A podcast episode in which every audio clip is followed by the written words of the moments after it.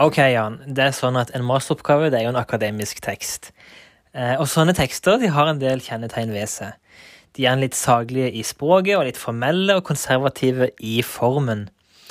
Og da blir jo det store tusenkronerspørsmålet om det er mulig å fange eller fenge leserne sine innenfor rammene av en masteroppgave. Ja, det tror jeg, og jeg tror faktisk det er viktig å gjøre det. For tenk, det er, er, to ting eh, som alle tekster, tror jeg, må prøve å gjøre innledningsvis. For det første så skal du flytte leserens oppmerksomhet ifra der den oppmerksomheten måtte være, og inn i ditt prosjekt. Mm -hmm. eh, og dernest eh, så tror jeg faktisk jeg vil si du skal prøve å skape velvilje for det som eh, nå skal leses. Så kan kanskje si ja, ikke det er kanskje litt sånn unødig strategisk tenkt, men, men, husk at dette, en masteroppgave, er jo en tekst som i veldig konkret grad skal vurderes. Mm. Så, så der vel, det der velviljemomentet, det syns jeg faktisk har litt for seg. Og da blir jo spørsmålet hvordan skaper en velvilje overfor sin egen leser? Ja, eh, det kan en selvfølgelig gjøre på veldig mange måter.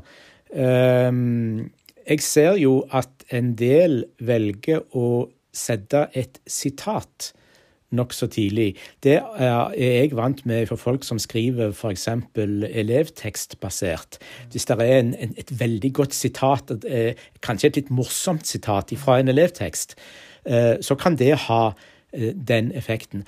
Og så tror jeg òg det er lov å komme med en litt personlig bemerkning, eller litt personlig anliggende, helt først i en masteroppgave. Ja, og jeg skal jo bekjenne at det var det jeg gjorde i min egen masteroppgave. Og det var jo for å på en måte um, Det var en anekdote som sa noe om tematikken, og som på en måte kunne lede leseren litt inn til å kjenne Gunvald bedre, men også tematikken samtidig. Så, så der må jeg vel si meg enig. Men det kan også bli en fare for at du kan bli for personlig innledningsvis. Dette er jo en akademisk tekst, tross alt.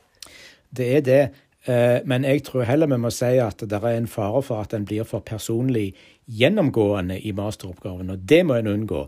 Men jeg ville kanskje sagt at begynnelse og slutt, det er to steder der det er lov eh, å være litt personlige.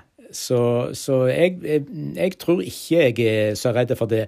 Og de eksemplene jeg har sett på, da inkludert eh, din masteroppgave, der syns jeg eh, det var ganske vellykka. Det var jo du som var min veileder, og du kalte meg i sin tid for så Ja, du var en journalist som du, du, du, hadde fått på kontoret, sa du. Ja. Det er ikke så dumt at du innfører eh, begrepet journalist, fordi dette med å både å flytte leserens oppmerksomhet og skape velvilje, det er en litt sånn journalistisk oppgave. Så ja, du skal tenke også litt journalistisk når du skriver masteroppgave. Eh, og så tenkte jeg på et spørsmål før jeg kom ned her på kontoret ditt, og det var at eh, OK, vi har slått fast at en masteroppgave eh, det er en akademisk tekst, og så har jeg spurte jeg om åssen fenger en leser i en akademisk tekst. Og så lurte jeg på er det et, et negativt trekk ved en tekst hvis en ikke klarer det, og ikke fanger leseren sin. Får en på en måte trekk da fra sin kommisjon, eller, eller går det helt fint å være litt mer saklig i formen? Det går helt klart eh, veldig fint å være gjennomført saklig. sånn at hvis en er eh, den typen, så kan en bare gjøre det. Eh, her er det, her er det liksom litt mer snakk om det du kunne kalle psykologisk krigføring med, med leseren. Det, det, er den jeg vil ha, ha kandidatene i gang med. Eh, og, og, når han da har kommet med sitatet sitt, eller den personlige bemerkningen sin, så vil det jo være aktuelt å si noe om hva det er som gjør dette prosjektet relevant. Og relevans, for relevans tror jeg òg er et, et, et, godt eh, innledningssujett.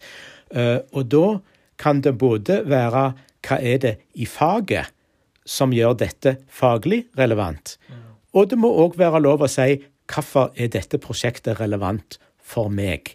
Altså Der, der må en òg ha lov å være litt personlig. Så en presenterer på en måte en problemstilling innledningsvis som fagfeltet gjerne ikke har løst, eller eh, Ja, de har kanskje forstått det, men de har ikke løst det til, til fulle. Ja, eh, om, du, om det skal være sånn at du allerede her skal formulere problemstilling i mer sånn akademisk forstand, det vet jeg ikke. Det kan godt hende at den kommer litt seinere uti, men, men, eh, men, en mer en, en skisse av det faglige problemet eller det faglige forholdet som skal belyses her, og hvorfor det er relevant, det vil jeg gjerne ha tidlig. Supert.